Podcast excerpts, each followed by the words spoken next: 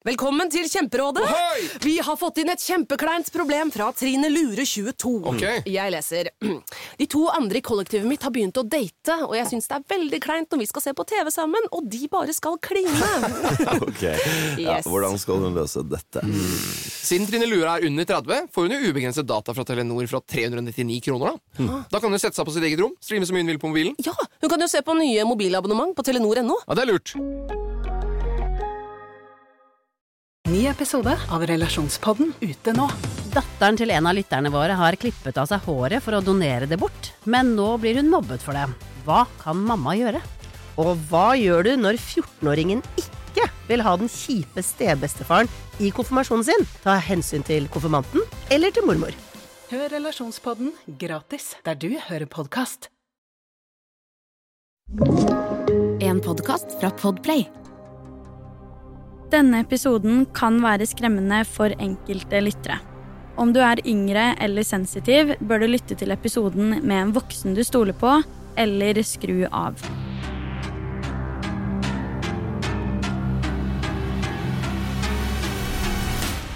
Hei og velkommen til en helt ny episode av Forsvinningsfredag podkast. I denne episoden skal jeg ta for meg en sak som jeg veldig lenge har vært fascinert av, og som i alle år har satt sitt preg på true crime-samfunnet. Du ser på tittelen at episoden skal handle om John Benet Ramsey-saken, og det er kanskje en av de definitivt mest skremmende og ubehagelige sakene som jeg noen gang har gjort research på. Og siden den her handler om et barn, så vil jeg be deg om å ta advarselen i begynnelsen av episoden litt ekstra på alvor.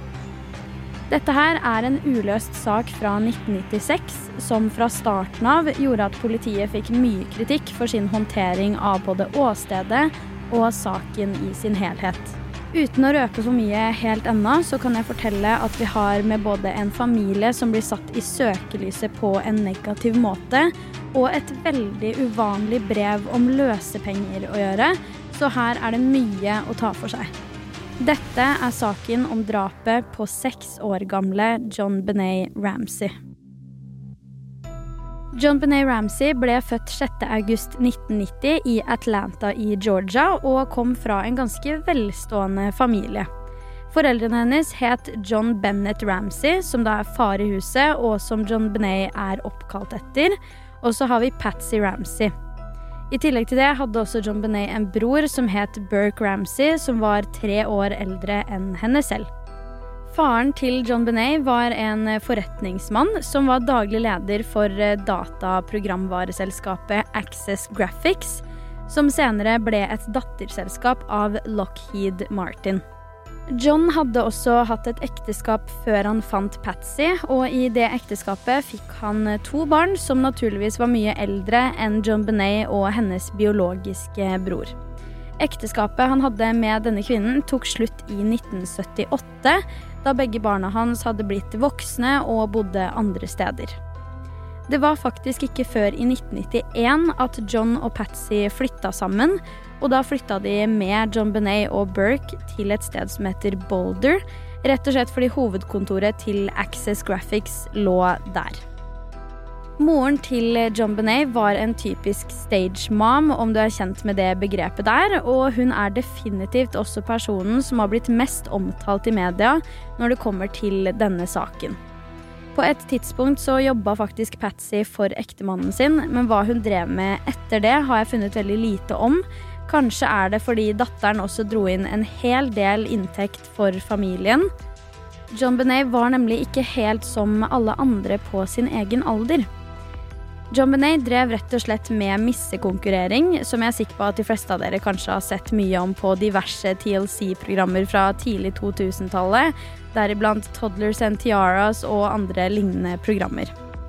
John Benet Ramsey tok aldri del i noen av disse programmene selv, men livsstilen hun og familien hennes levde, kan på mange måter sammenlignes likevel.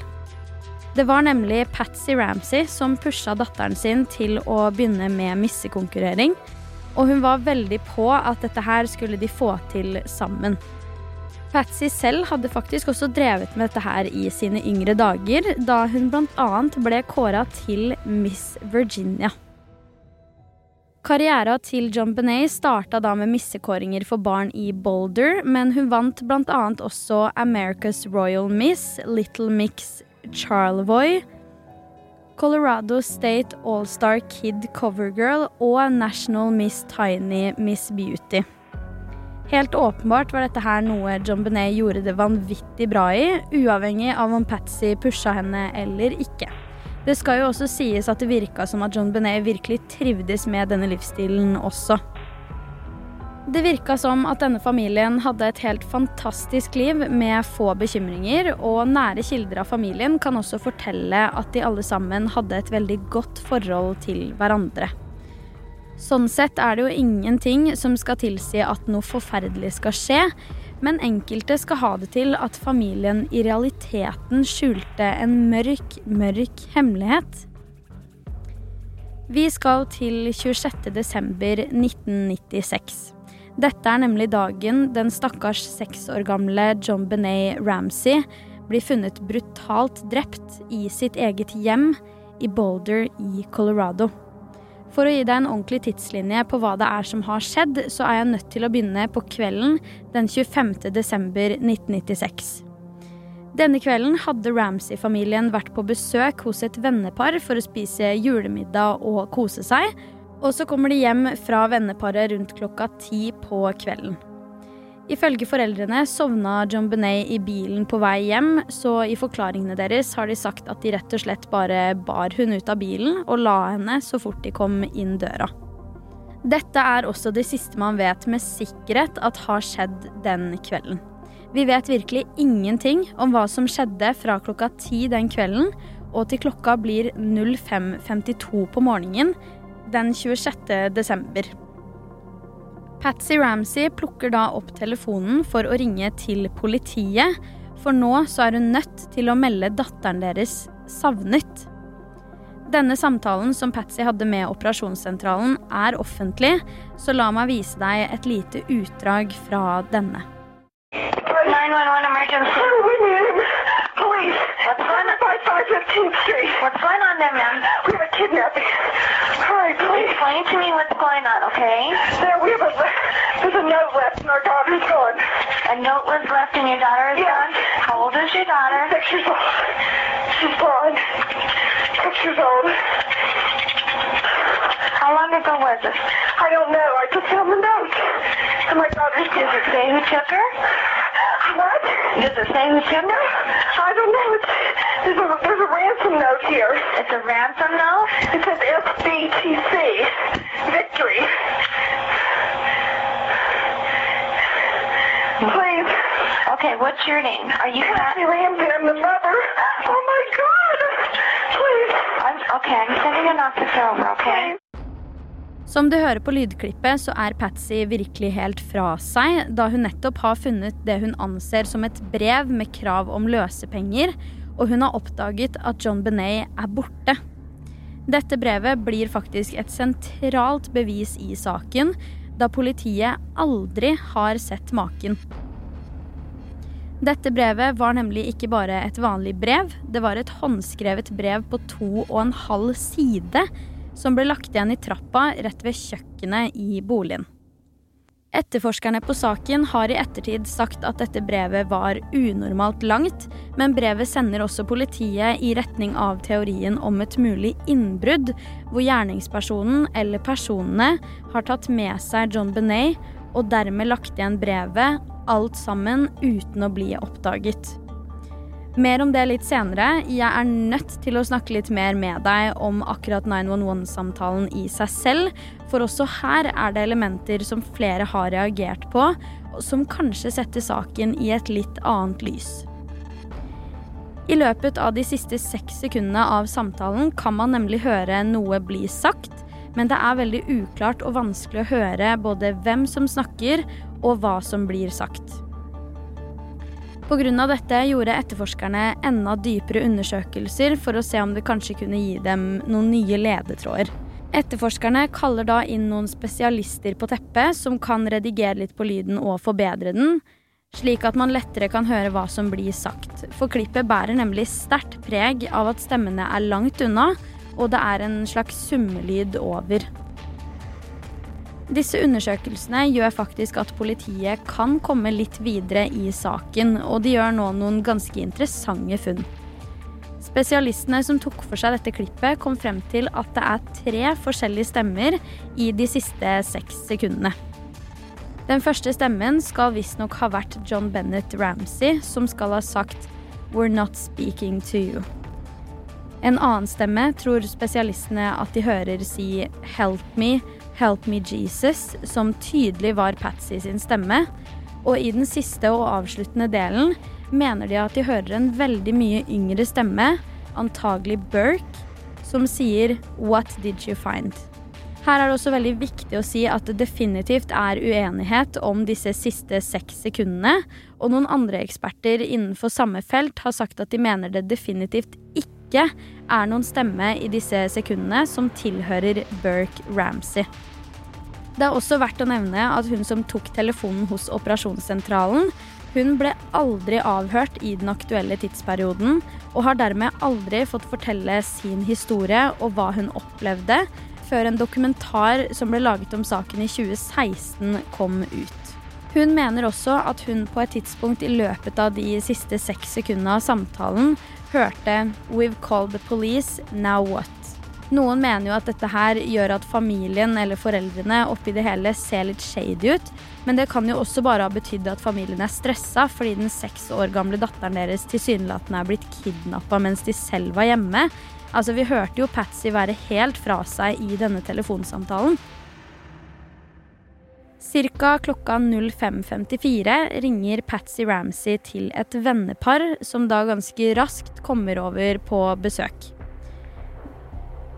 Dette er jo i seg selv ganske rart, med tanke på at huset til Ramsey-familien nå er et åsted.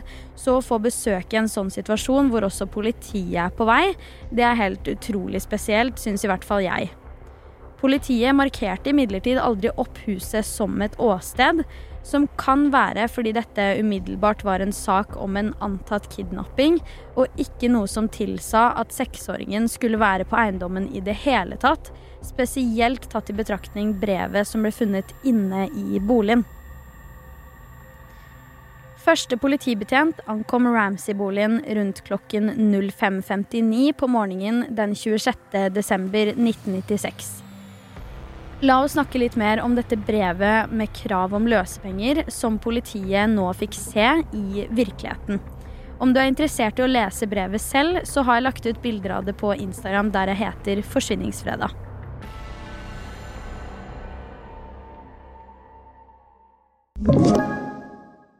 Velkommen til Kjemperådet! Yes.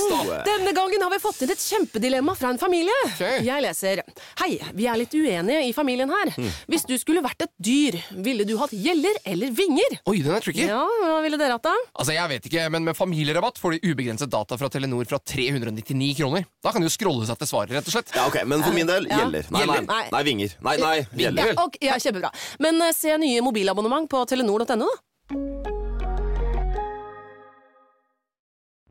20 nye sparetips hos Kiwi. Mitt aller beste sparetips er First Price familiepizza. Garantert billigst i Kiwi. Nå får du 1 kilo First Price familiepizza til 59,90, 900 gram First Price stekte kjøttboller til 59,90 og mange andre First Price-nyheter hos Kiwi. Det første de la merke til, var som jeg nevnte litt tidligere, at brevet var uvanlig langt. Til de av dere som kanskje er like kjent med brev som dette, så pleier de egentlig å være veldig korte og konsise, uten informasjon om hvem det er som har begått handlingen, og med veldig korte og tydelige instrukser på hva som skal gjøres for å få tilbake personen som er blitt kidnappa. Dette brevet var virkelig alt annet enn det, som naturligvis fikk politiet til å reagere. Brevet måtte selvfølgelig analyseres, og da kom de frem til at alt som sto i brevet på to og en halv side, kunne vært skrevet på totalt fire setninger. En ekspert på feltet mente faktisk at hele 67% av brevet var totalt unødvendig, noe som i seg selv er merkelig med tanke på at brevet var håndskrevet, og politiet kunne med sikkerhet si at det ble skrevet inne i boligen til Ramsey-familien. Altså For meg så er det her kjempemerkelig. En som skal kidnappe noen eller gjøre et innbrudd, er jo helt avhengig av å være rask og effektiv under hendelsesforløpet for å ikke bli tatt eller sett av noen. Så hvilken person ville da satt seg ned på kjøkkenet for å skrive et så detaljert og unormalt langt brev? Dette her høres ut som en person som virkelig har tatt seg til rette i boligen før vedkommende tilsynelatende valsa usett ut av boligen sammen med seksåringen. Dette brevet bærer overhodet ikke preg av at en person har hatt dårlig tid, så hvem i all verden er det det her kan være? Som jeg nevnte, så måtte jo politiet gjøre undersøkelser av brevet. Det er sånn de klarte å finne ut at både arkene som brevet var skrevet på, og pennen det ble skrevet med, tilhørte Patsy Ramsey. Både blokka og pennen ble funnet der det pleier å ligge, selv om brevet ble funnet i trappa på kjøkkenet. Politiet brukte også fire ulike personer for å kunne finne ut ca. hvor lang tid det ville ta å skrive et så langt brev for hånd. Utfallet av dette ville jo uansett være kortere enn personen som faktisk skrev brevet, ville brukt.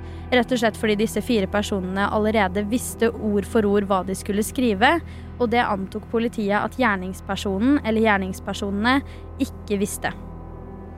Uansett, resultatet av denne undersøkelsen var at det var umulig at det kunne ta noe kortere tid enn 20 minutter å skrive det brevet for hånd.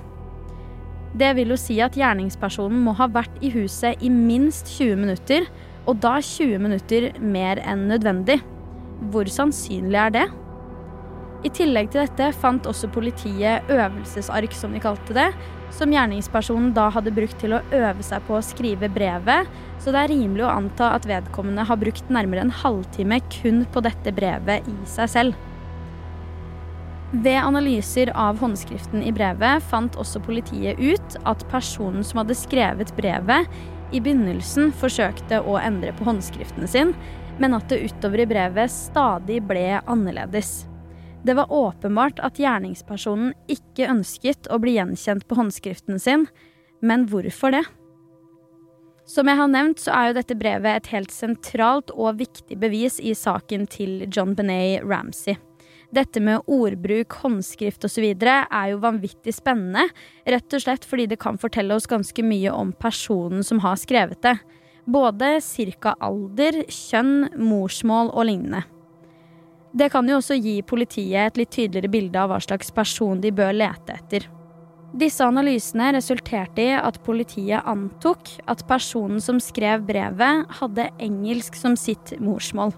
Det var noen skrivefeil i brevet, men disse virket som at de tydelig var plassert der med intensjon. Enkelte ord hadde f.eks. blitt skrevet med en ekstra S i ordet, f.eks. ordet 'business', mens andre ord som var langt mer kompliserte på engelsk, var skrevet helt korrekt. De som utførte analyser av brevet, fant også ut at det inneholdt vanvittig mange referanser til filmer, og da politiet gikk gjennom boligen for å finne mulige spor, så la de merke til at det var en hel rekke filmplakater rundt om i huset, så det virker som at familien Ramsay selv var opptatt av filmer. Kan dette ha noen betydning, eller er det bare en tilfeldighet? Helt i begynnelsen av brevet så står det også at gjerningspersonene er en liten utenlandsk gruppe. Igjen, det her er litt spesielt, da det ikke er så ofte at brev med krav om løspenger forteller oss noe særlig om gjerningspersonene, bare hva man skal gjøre for å få tilbake en person eller en gjenstand, og hvordan det skal gjøres. Kravet denne ifølge brevet lille utenlandske gruppa krever, er på 118 000 dollar, hvor 100 000 av dem skal tas ut i 100-dollarsedler, mens de gjenstående 18 000 skal tas ut i 20-dollarsedler. Politiet reagerte veldig på sammensetningen av det her. La oss først ta dette med at de fremmer seg selv som en liten utenlandsk gruppe. Skal du kidnappe noen og få kravene dine oppfylt, bør man jo absolutt heller tre frem med både selvtillit og makt, men her har de på en måte heller valgt å skrive at de er en liten gruppe. Pengekravet var også uvanlig spesifikt, som igjen fikk politiet til å reagere. John Bennett Ramsey har selv forklart i avhør at denne summen matcher helt perfekt opp med hva han fikk i julebonus det aktuelle året, som gjør at personen som skrev brevet, er nødt til å være en person som har innsikt i denne bonusen, eller har skaffet seg denne innsikten. Enten det, eller så er dette nok en tilfeldighet. Veldig mange tror at personen som skrev brevet, er en person i nær familie, og navnet til Patsy er definitivt det som er blitt nevnt aller mest. Det skal også sies at brevet inneholdt helt spesifikke instruksjoner om å ikke kontakte verken venner eller politi, men Patsy gjorde dette umiddelbart da hun fant brevet. Da politiet ankom boligen, fant de heller ingen tegn til innbrudd umiddelbart, så den teorien falt jo litt igjennom allerede der, men akkurat den delen kommer jeg litt tilbake til senere. En politibetjent som kom til huset denne morgenen 26.12, gjorde også et søk i kjelleren, og ble på et punkt møtt av en dør som var lukket igjen med en tresperre eller trelås. Og selv om han bemerka seg det her, så valgte han på dette tidspunktet å ikke åpne døra, og heller gå videre for å se om han kunne finne noe. Var dette en potensielt stor feil? Det er også i dette tidsrommet, da politiet har ankommet huset, at John Bennett Ramsey gjør det han kan for å gjøre det mulig å betale løsepengene. Politiet har også fått mye kritikk for hvordan de valgte å løse den innledende etterforskningen, spesielt fordi det kun var soverommet til John Benet som ble sperret av for å sikre biologiske spor. Det var ingen andre rom i huset som ble sperret av, som gjorde at det antageligvis er en hel rekke biologiske spor som politiet aldri fikk muligheten til å få med seg engang. Patsy hadde jo også ringt venner som sammen med henne bl.a. vaska kjøkkenet mens politiet var i huset. Dette høres jo helt merkelig ut, men politiet har sagt at dette kan bidra til at eh, biologiske spor blir ødelagt. Rundt klokken ett på formiddagen den samme dagen spør en av etterforskerne om John Bennett og en familievenn av han kan lete litt mer gjennom huset for å se om de klarer å se eller finne noe som ikke er helt som det skal. Dette gikk de med på, og søket starta i kjelleren.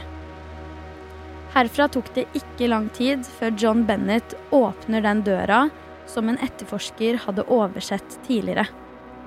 Bak denne døra skal han finne noe jeg vil anta at han sent vil glemme. Det er nemlig bak denne døra at han finner sin seks år gamle datter brutalt drept. John Benet Ramsey blir funnet med gaffateip over munnen, og hun har blitt bundet rundt både anklene og håndleddene. Hun hadde også en nylonsnor rundt halsen. I tillegg skulle det vise seg at hun hadde ufattelig brutale skader mot hodet. John Bennett hadde da tatt med seg liket til datteren sin opp i huset, som igjen gjør at biologiske spor på en eller annen måte blir tukla med. Politiet blir jo som alltid kontakta ganske umiddelbart etter funnet, og så raskt som overhodet mulig blir hun tatt med til en rettsmedisiner som kan utføre obduksjonsundersøkelser av liket. Her kommer det frem at John Benet døde av kvelning og kraniebrudd. I den offisielle rapporten står det også at det ikke finnes noen helt klare tegn til at hun er blitt utsatt for et seksuelt overgrep, men det står også at det ikke kan utelukkes, da de har funnet spor som kan tilsi at det har skjedd, uten at det er noen bevis som er tydelige nok. I obduksjonsrapporten står det også at det ble funnet spor av en frukt eller grønnsak, mest sannsynlig ananas. Verken Patsy eller John Bennett kunne huske å ha gitt John Benet ananas før leggetid, men på bilder fra morgenen John Benet ble meldt savnet, så kan man se en skål med ananas med en skje oppi. Heldigvis ble det gjort undersøkelser av denne før den ble fjerna, og da fant etterforskerne faktisk John Benets bror, altså Burke Ramsey, sine fingeravtrykk på bollen. Ifølge forklaringene til foreldrene gir ikke det her helt mening, tatt i betraktning at de begge har forklart at han alltid sover gjennom hele natta, og at han også gjorde det denne morgenen. Ifølge Patsy hadde han nemlig blitt vekka flere timer etter at politiet hadde ankommet boligen. Ny DNA-teknologi gjorde faktisk at politiet i bunn og grunn kunne utelukke at Ramsay-familien hadde noen involvering i drapet. Denne teknologien viste nemlig en ukjent mann sitt DNA på John Benets undertøy, som da ikke tilhørte noen i hennes egen familie. Dette kom som et stort sjokk på mange, ettersom det var mange bevis og indisier som definitivt pekte i retning av Ramsay-familien. Du husker kanskje jeg nevnte at politiet allerede innledningsvis kom med et utsagn om at det ikke var noen tegn til innbrudd i huset? Vel, i realiteten var det kanskje ikke et brutalt innbrudd som fant sted, men det var faktisk et vindu i rommet der John Benet ble funnet, og ved nærmere undersøkelser fant de ut at det var blader og rusk ved alle vinduene på den siden av huset, bortsett fra det ene vinduet. Innledningsvis betrodde de seg bare til tanken om at det var umulig at noen kunne komme seg inn og ut derfra, men det er beviselig feil gjennom en video vist på Dr. Phil Show i 2016. Kan dette i realiteten ha vært en subtil inn- og utgang for en gjerningsperson? Rundt seks måneder etter drapet på John Benet velger familien Ramsay å flytte til en ny bolig i Atlanta etter å ha tilbrakt hele sommeren i feriehuset sitt i Michigan. Det er viktig å huske på at uansett hva som er sannheten bak drapet, så ble Ramsay-familien veldig tidlig satt i et ufattelig negativt lys i media, som definitivt preget livene deres på absolutt alle mulige måter. Sånn er det jo også for Burke Ramsey, som selv bare var ni år gammel på tidspunktet av drapet. Dette har vært en stor påkjenning for familien i mange år, og selv om de på mange måter ble renvasket av den nye DNA-teknologien og sporene som ikke lenger pekte på dem, så er det fremdeles mennesker der ute som tror at familien skal ha hatt noe med dette å gjøre, eller har visst om det og deretter forsøkt å dekke over det. Noen mener også at det tok familien lang tid å i det hele tatt samarbeide med politiet. Men dette kunne John Bennett avkrefte ganske kraftig da han i et intervju fra 2012 fortalte at de snakka med politiet allerede fra da de først ankom boligen, og at selv Burke satt i intervju i løpet av den innledende etterforskningen.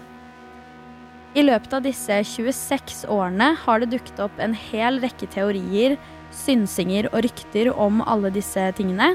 Og det gjør det nok enda vanskeligere å finne ut hva som egentlig er sannheten bak dette brutale drapet, som ikke bare preget staten Colorado, men faktisk også et helt samfunn. Patsy og John Bennett blir aldri verken sikta, tiltalt eller dømt for drapet på datteren sin. John Bennett har også i årene etter vist tydelig anger på at han tillot at datteren fikk delta i slike missekåringer, og han sier at dersom han hadde hatt en ny mulighet, så ville han aldri ha gjort det samme igjen. Han mener at det definitivt gjorde henne mer eksponert til litt mer lugubre menn. Dette har også gjort at teorien om at det kunne være en f.eks. pedofil mann som hadde brutt seg inn i huset den natten, sto enda sterkere etter hvert, og det er ufattelig trist å tenke på at saken til dags dato står som uløst, til tross for at man har funnet liket. Etter en lang periode der Patsy Ramsey kjempet kampen mot kreft i eggstokkene, så endte hun opp med å dø av sykdommen i 2006. John Bennett Ramsey er i dag gift på nytt og forsøker så godt han kan å leve et tilbaketrukket og rolig liv i Michigan sammen med sin nye ektefelle.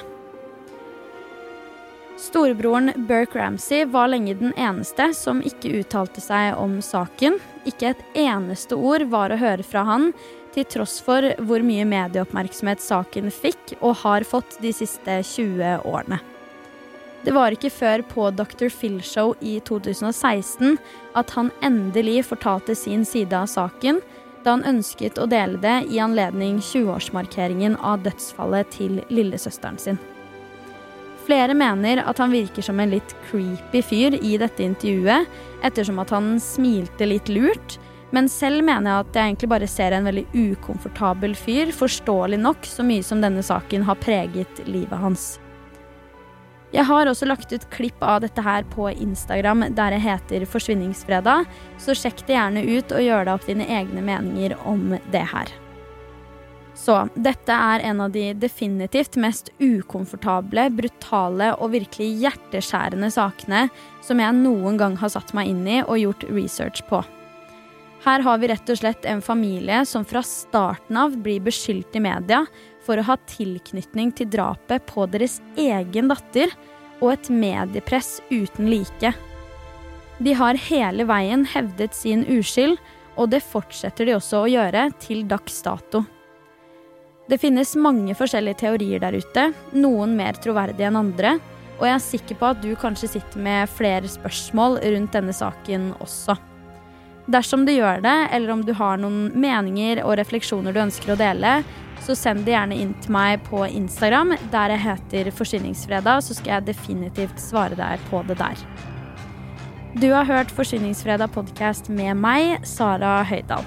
I hele desember kommer det episoder hver tirsdag og fredag, så jeg vil absolutt anbefale deg å trykke på følg eller abonner, så får du med deg hver eneste episode som blir publisert fremover. Jeg kan love deg vanvittig mye spennende innhold. Tusen takk for at du har lytta til episoden. Jeg er tilbake med en helt ny en allerede på tirsdag. Og i mellomtiden, ta vare på deg selv.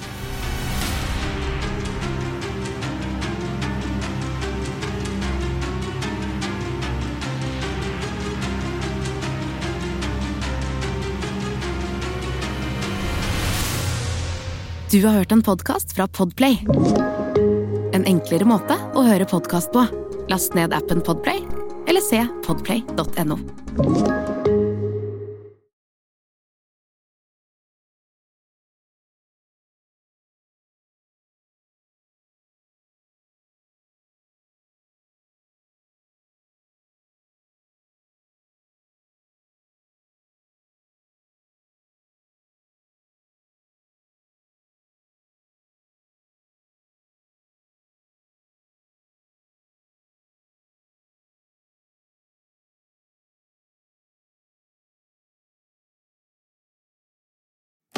Har du et enkeltpersonforetak eller en liten bedrift?